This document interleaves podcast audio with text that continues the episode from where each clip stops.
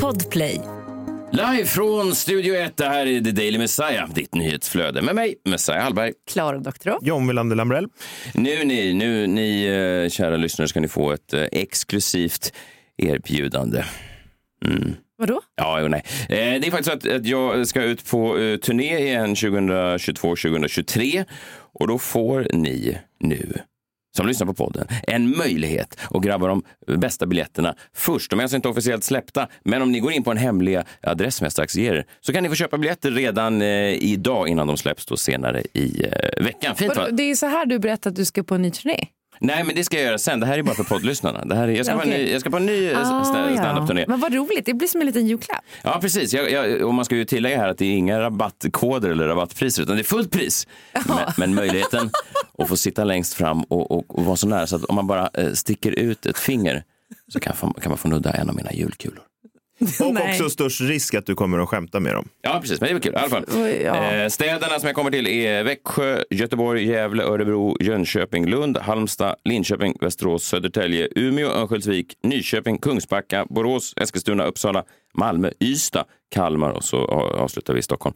Ja. Eh, jag och tror då- att jag har varit i de flesta av de där, förutom Södertälje. jag kan fokusera på mig nu. Eh, adressen är carlo.se slash presale. Carlo, K-A-H-L-O.se slash presale. Biljetterna släpps eh, där idag 9.00 torsdag, så gå in och grabba dem innan det andra pöben får tag i biljetterna. För då är det kört va? Då Jag kommer, jag kommer köpa biljetter i Södertälje. Inte i Stockholm där du bor. åka dit. Till Södertälje? Ja. ja, vad kul. Men jag har inte varit där. Nej, det är väl exotiskt tror jag. Ja. Spännande. Så två flugor i en smäll. Ja. Grattis Sverige!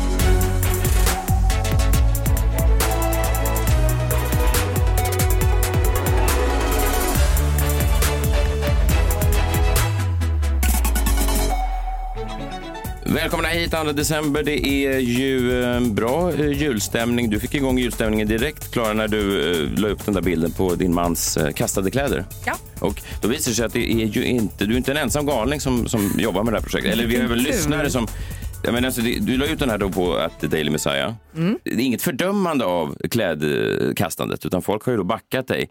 Någon tjej som heter Millie Fjord, hon säger ja, jag kastar ut makans laptop på samma sätt som sig bör. inte som sig bör. Vad är det för galningar som lyssnar på det här?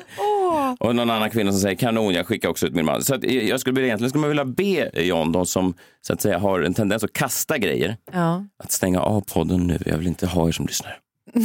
Nej, det är ju lite obehagligt. Och sen så undrar man ju också, är, är det okej att skylla? Hur, hur långt kan man gå om man bara skyller på graviditeten? Ja, men de här är inte ens gravida, det här är bara galna Ja, kvinnor ja, tror jag. fast- Jaha. Ja, nej, det är klart att man inte får skylla på det, men det är ju skillnad. Det, jag skulle inte... Jag vet inte, kanske går under psykisk misshandel.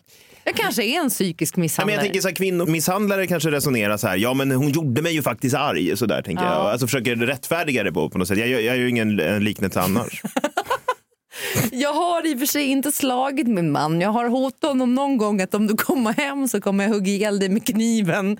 Men det, det har jag ju aldrig någonsin Nej. liksom verkställt. Det låter ju väldigt mycket som ett, ett hot. Alltså, just. Ja, men jag vet ju att jag, att jag inte menar allvar. Och oftast det som är bra med mig är att det Ja, går, det? över, det går över väldigt snabbt. Åh, så skönt. Så efter hugget så är det ilskan gått Du helt i lägger ner kniven direkt efter. Nu är det över Kjell. Kjell, vakna för fan. Kjell, det är över.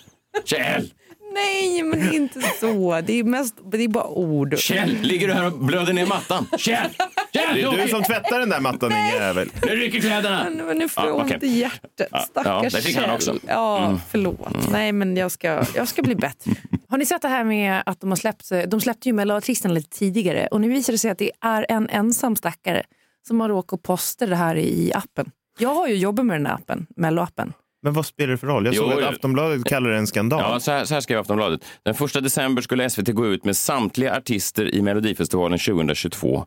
Men redan nu har namnen läckt ut på sociala medier och skandalen är ett faktum. Ja men vad då skandalen? Skandalen! Några, några timmar innan. Vet du vad som är skandalen? det är ingen slump att Aftonbladet skriver det här. För deras nöjesreporter Tobbe Ek, han sätter ju en, en, en stor prestige i att vara, på förhand kunna avslöja melloartister innan SVT presenterar dem. Och nu fick ju han liksom inte chansen att presentera eh, då några artister för att SVT gick före honom. Så det är bara han som tycker att det är en skandal. Ja, det är ju förmodligen det. För, men det är också jobbigt för den enskilde stackaren som har råkat posta det där i appen. För det är ju någon som har tryckt på publicera för tidigt.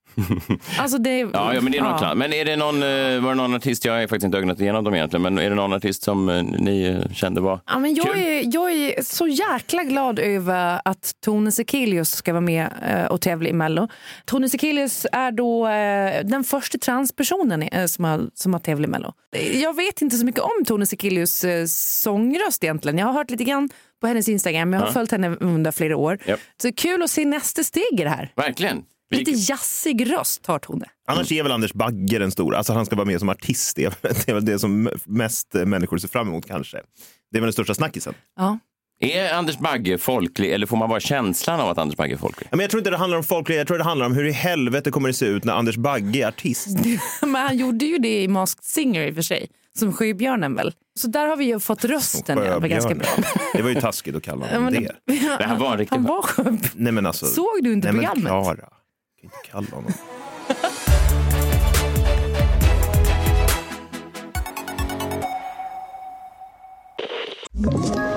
Ett poddtips från Podplay. I fallen jag aldrig glömmer djupdyker Hasse Aro i arbetet bakom några av Sveriges mest uppseendeväckande brottsutredningar. Går vi in med hemlig telefonavlyssning och, och då upplever vi att vi får en total förändring av hans beteende. Vad är det som händer nu? Vem är det som läcker? Och så säger han att jag är kriminell, jag har varit kriminell i hela mitt liv men att mörda ett barn, där går min gräns. Nya säsongen av Fallen jag aldrig glömmer på Podplay.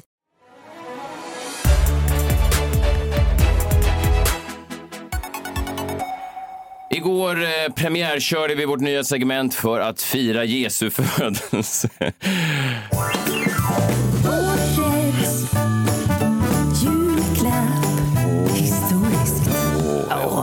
Årets julklapp. Varje dag fram till jul ger vi er julklappstips. Det är så svårt just den här tiden på året att veta vad ska man egentligen ge till farmor, vad ska man ge till sina barn.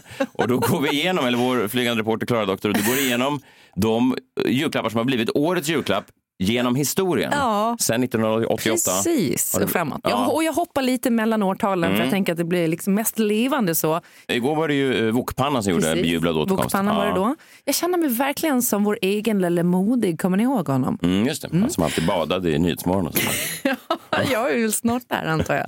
Men då har vi då kommit till dagens eh, årets julklapp och då tittar vi mot, tillbaka till eh, 2007. Vad var det då? Jo, GPS-mottagaren. Och GPSen eh, hittar ju egentligen Navstar GPS och eh, det är en förkortning då av Global Positioning System och det är då en form av satellitnavigering. Det här utvecklades på 70-talet då av eh, amerikanska försvarsdepartementet men man började inte använda det liksom på bred front förrän 1994. Ganska sent.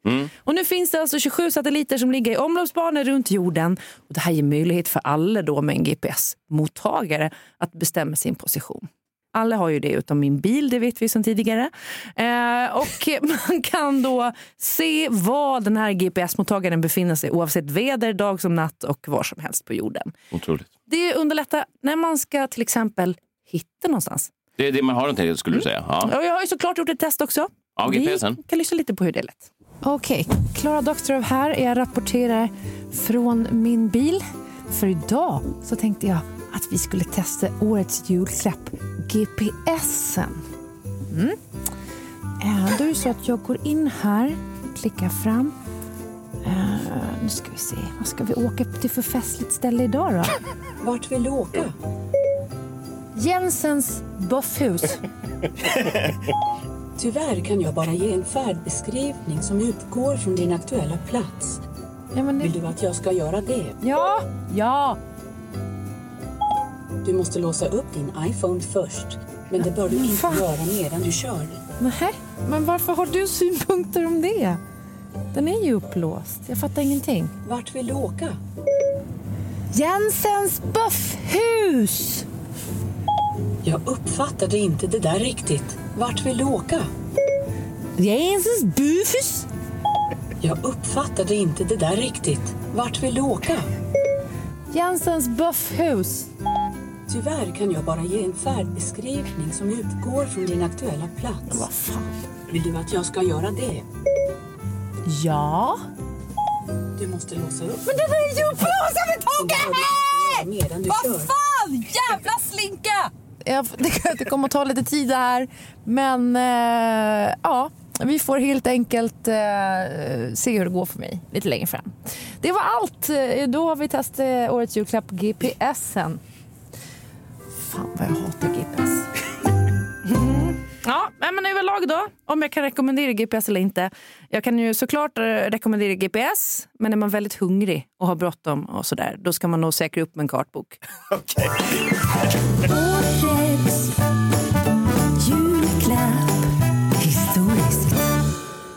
Oj, oj, oj, GPS. Ja, rekommenderas, men med litet varningens finger om man är riktigt hungrig så ska man ja, kanske komplettera med en kartbok. Det är någonting att lägga där under granen. Fint, konsumentinformation. Ja. Råd och rön. Ja, eh, strax ska vi ha krimmorgon. John, eh, kan du ge mig en liten tease? Vad, vad, vad kommer det handla om? Säg inte vilket fall, men ge mig någonting som får det att bara vattnas i munnen. Var det verkligen en uggla som mördade Kathleen Peterson? Jo. En uggla, säger Var det verkligen en uggla som mördade Kathleen Peterson? Och nu Åh, låter gud. du som en GPS-mottagare. Förlåt, jag förstår inte vad du försöker säga.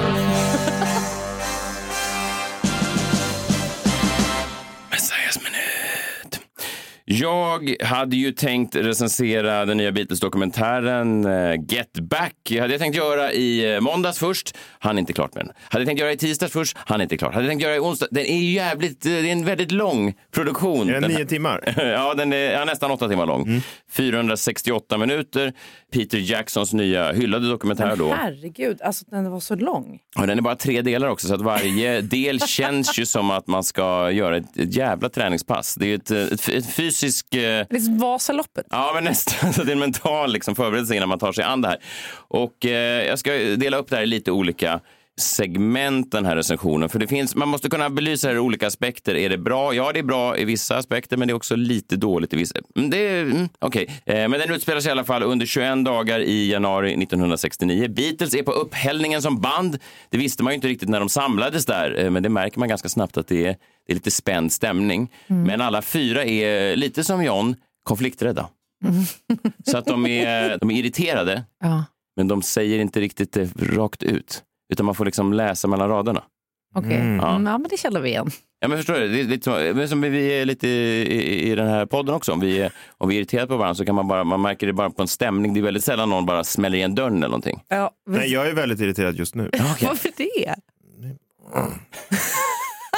Där är då Paul McCartney och eh, George Harrison som sitter och har en sån Ja, man kan säga att mycket av de här åtta timmarna är att de sitter och jammar på olika låtar. Det är, det är själva proceduren. Ja, så här låter det då när det blir lite irritation, liten fnurra på tråden. It's like it's it's complicated now. So see, we can get it simpler, and then complicate it where it needs complications. But it's complicated in the bit. I mean, I'll play just the chords if you like. No, no, come on, you always get annoyed when I say that. I'm, I'm trying to help you know, but I always hear myself annoying you, and I'm trying to. No, you're not I, I get so I annoying. can't You don't say it. annoy me. But you know what I mean?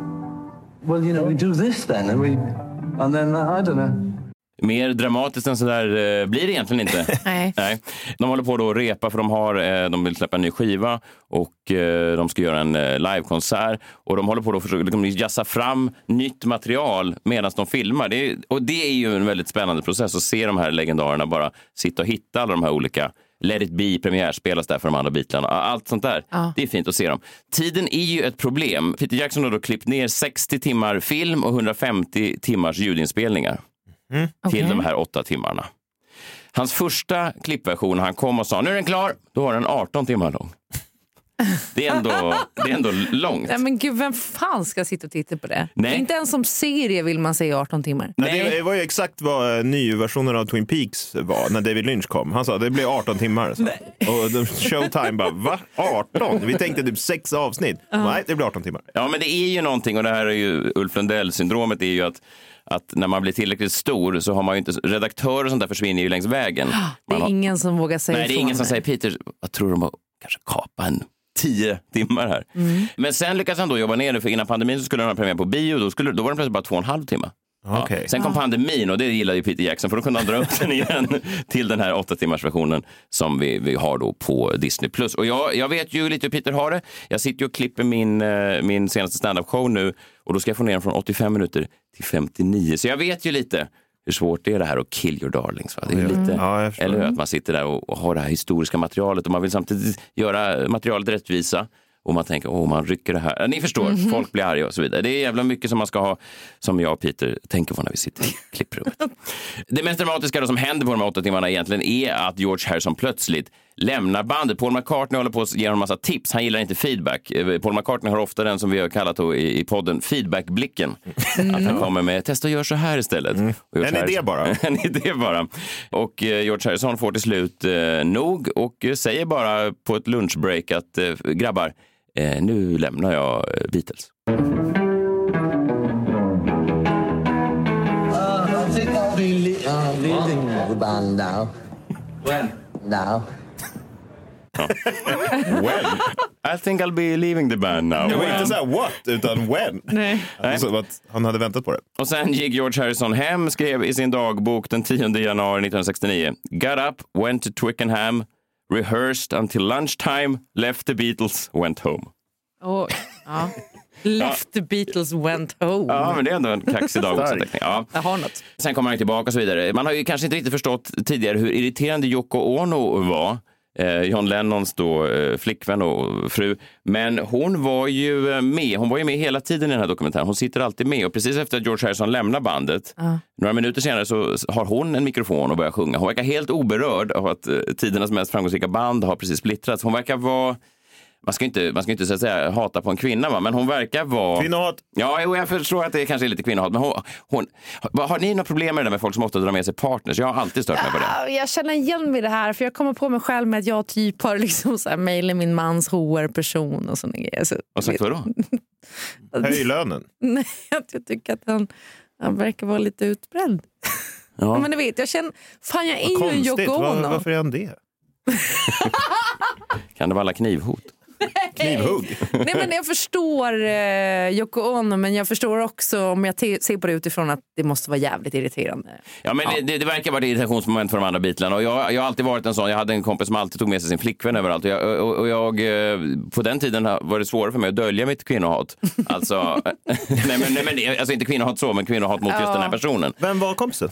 Fast Ja, det var inte jag du. tycker inte ens att vi ska säga att det är kvinnohat, för det har inte med det att göra. Nej, det är partnerhat. Partnerhat. tack, Ja, det är bra. Det finns ju Partnerhat. Tjejer som alltid tar med den där jävla snubben Ja. som ska tycka till om Ja, grejer. ja, när jag dansade i Let's Dance, Ja. eh, då hade min eh, kvinnliga partner, hon hade alltid med sin kille i Oh, danslokalen. han var orolig då. Ja, Jag vet inte varför han satt där. Han var jättetrevlig, men jag tänkte ibland, gud vad han sitter där. Ja. och det är samma sak. Jag tycker att partners har sin plats, men partners måste, och jag tycker inte att en, en partners plats är liksom framför mikrofonen fem minuter efter att Beatles har splittrat och sjunger en egen trudelutt. Då det är tänker lite jag, okänsligt. verkar- Ja, okänsligt är det. Oh, respektlöst skulle man kunna hävda att Yoko Ono är. Ja, verkligen. Och hon har hög tro på sig själv då. Ja, verkligen. Här kan jag ta över. Ja, men det har de ofta partners va? De Alla sitter där partners. mitt i min cha-cha så säger han, hörru du, tänk på, nej! Ja, ni fattar. det är inte bäst om jag tar över här. Det är ju en särskild typ av partner. Alltså, Ja, ja, det är det. Jag skulle aldrig vara en sån partner som bara glider upp och hänger med. Jag, jag är ju motsatsen. Jag säger, vill du hänga med? Nej, absolut inte.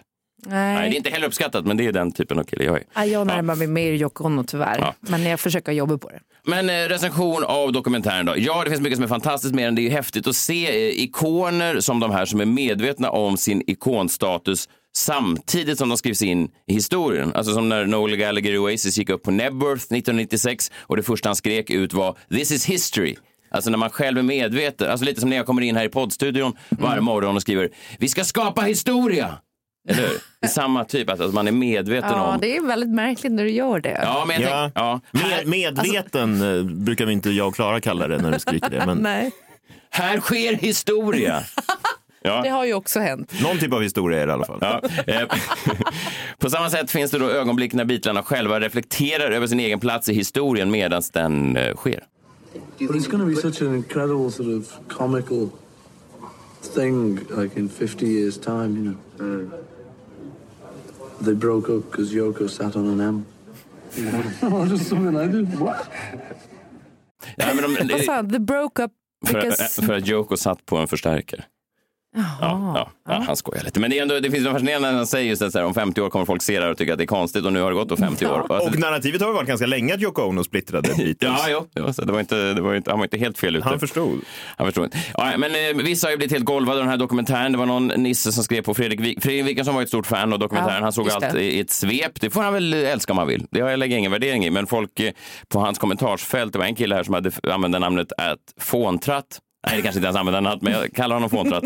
Jag håller med dig till 100 procent. Kan inte tänka på annat sen jag sett den. Det här är så overkligt att titta på. Så vackert och punkt, punkt, punkt. Otroligt. Golva, det är för svagt ord. Ett nytt ord måste uppfinnas för denna upplevelse. Att fåntratt kan ni gå in och svara honom. Eh, och den eh, känslan var det ju inte. Det här var ju egentligen en musikversion av den stora älgjakten. Det var ju Ja, det. slow tv. det var ju, ja, men det, älgarna ersatte med brittiska musiker, men tempot var de Samma. samma. Man satt där med en termos och tänkte snart måste det väl hända. Kommer Beatles snart eller? Nu har jag tittat på den här agenten i tre timmar. när, när ska de gå över älven? Är det Ringo Starr där borta eller är det bara en älgko? ja.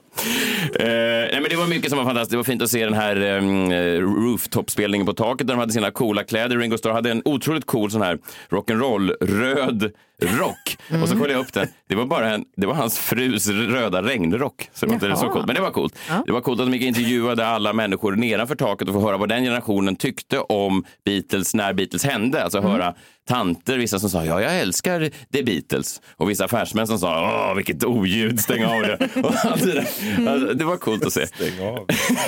det är väldigt högt. Stäng av. Man såg att, man såg att de... Kasta ner dem från taket.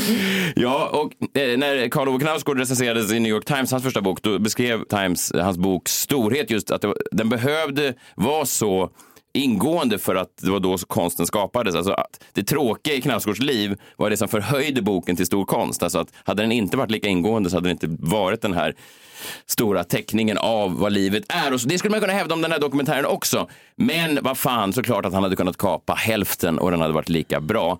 Och nu hotar, för jag säger hotar Peter Jackson att han ska släppa en extended version av den här dokumentären. Om man kände att man vill ha fler bilder eh, och fler jam sessions med The Beatles. Eh, det vet jag inte om man behöver egentligen eller om man vill. Men eh, den var bra, se den. Men för första gången i världshistorien så rekommenderar jag faktiskt att köra den i en och en halv speed. Det har jag aldrig gjort förr och jag tycker det är en eh, motbjudande sätt att liksom, ta del av konst. Ja. Men den här kan man faktiskt speeda upp utan att det händer något. Kan man göra det med din show också? Nej, då missar man väldigt mycket detaljer. Mm.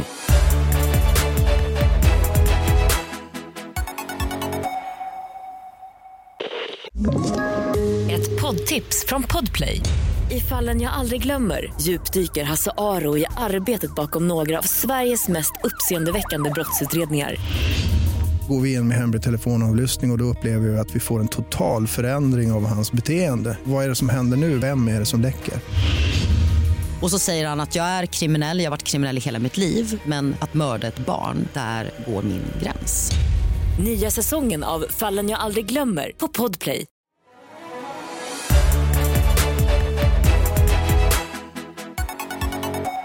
Okej, nu då, John Wilander Lambrell. Sveriges främsta krimreporter. Han sitter där borta och har han ett fall? Jo, det har han. Krimmorgon.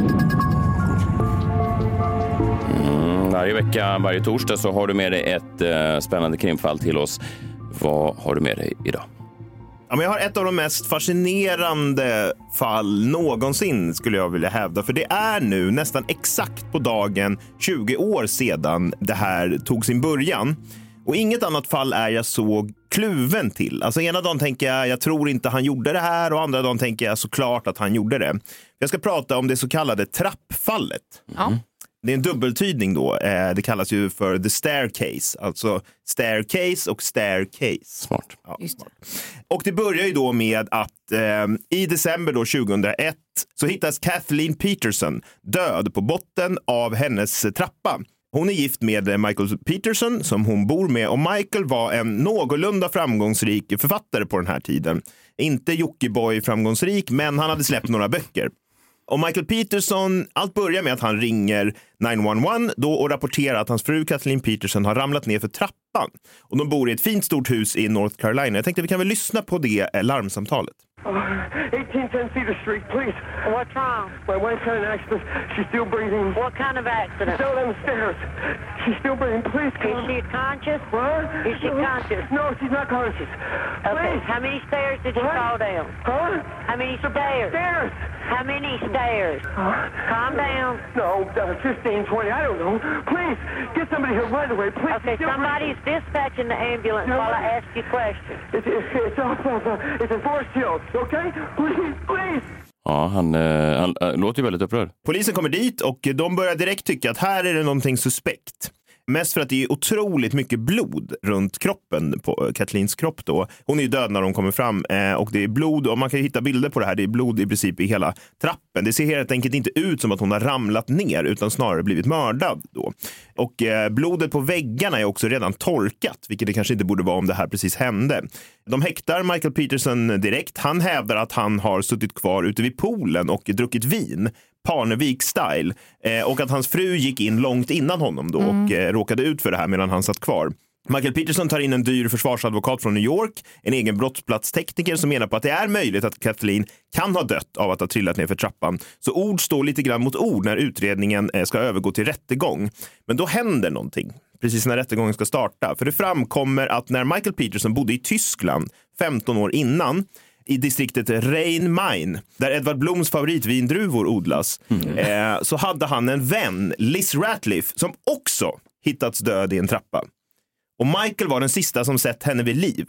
Två döda kvinnor. I, I båda fallen har de då trillat ner för en trappa och i båda fallen så är han då den sista som har sett dem. Svar ja. Ja, det är det är ju otroligt osannolikt att det skulle hända någon. Fan vilken otur man har om det är så. Ja, man, skulle, man skulle ju aldrig våga gå ner för en trappa med honom igen. Jag vill aldrig vara i närheten av en trappa. Klara, ska vi gå ner och hämta bollsättet i källaren?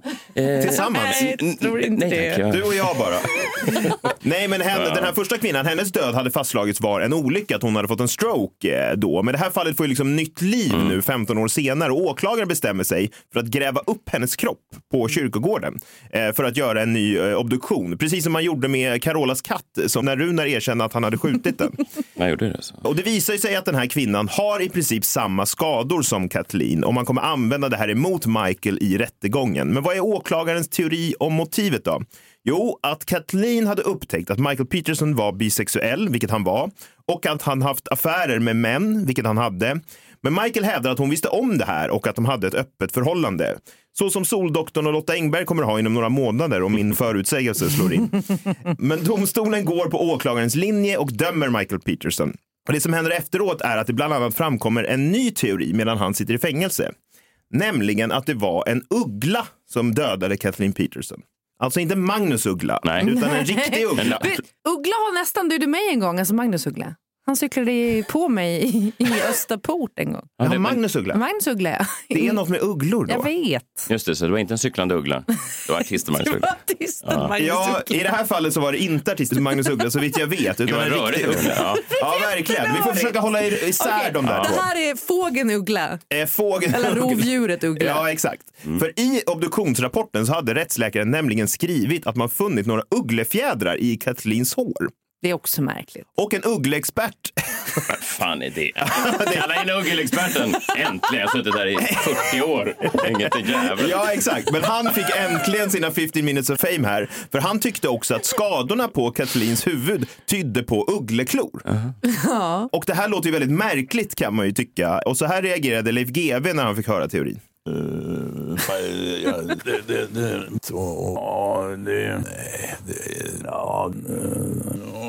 Han lät, lät tveksam eller? Ja, men lite tveksam. Och det blir man ju. Men uggleattacker på människor sker faktiskt ibland. Precis som du sa, Klara. En uggla gav sig på dig. Eh, det behöver inte betyda att man har gjort någonting. Utan Det var ju en Magnus Uggla. Ja, det var en Magnus uggla. Ja, så. inte- För det gäller att hålla isär de där två. Ja, det är lätt att röra ihop. Ja, Eh, och ugglor fanns i de här trakterna i North Carolina och det hade skett sådana attacker, med, många med dödlig utgång då. Alltså inte Magnus Uggla-attacker då, utan djuret Uggla. Så vi är tydliga. Eh, eh, Michael Petersons försvarare lyckas till slut få resning i fallet på grund då av att blodexperten som åklagaren använt i den första rättegången visat sig vara en total odugling. Eh, han hade medvetet då vittnat fel i flera andra rättegångar och hans experiment och expertis ifrågasattes, vilket gjorde att alla expertvittnesmål eh, han gjort slängdes ut och då gick Michael Peterson fri efter att ha suttit i fängelse i tio år. Idag är han 78 år och lever i Nashville. Eh, Hans barn tror fortfarande att han är oskyldig. Men då är ju frågan, vad hände egentligen när Kathleen Peterson dog i december 2001? Sanningen är, jag vet inte. Eh, Jag gick och såg eh, när Michael Petersons advokat kom till Stockholm häromåret och pratade om fallet på Södra Teatern i Stockholm. Och jag ska inte ljuga, vi som var där var inte de coolaste personerna i högstadiet. eh, men det var väldigt intressant att höra. Eh, och han sa ju det, att så här, om någon hade sagt till mig för 20 år sedan att jag hade turnerat världen runt och berättat om det här fallet så skulle jag nog trott att de var galna. Men det gör han. Men, men det var du och ett gäng eh, svenska uggel-experter då? Nej, men vi var bara intresserade av det här fallet. Och jag måste ju säga, det var liksom fullsatt. Ja, ja. Och jag tänkte, det här Men är hur ju... många finns det? Ja, men det, är, det är otroligt. Det var nästan bara kvinnor också, vilket jag tyckte var intressant. Strunt samma. Men då, hur ska man reda ut det här? Jo, jag tänkte ta upp de tre starkaste indikationerna på att han var skyldig kontra oskyldig. Och så kan väl ni, eh, Messiah och Klara, säga vad ni tror. Vi börjar med varför han skulle vara skyldig då. 1. Det fanns ett skoavtryck på Kathleens kropp som matchade Michaels, något som inte går ihop med hans egen story. Och framför allt då kanske, när polisen kom fram så hade Kathleen alltså blött ut.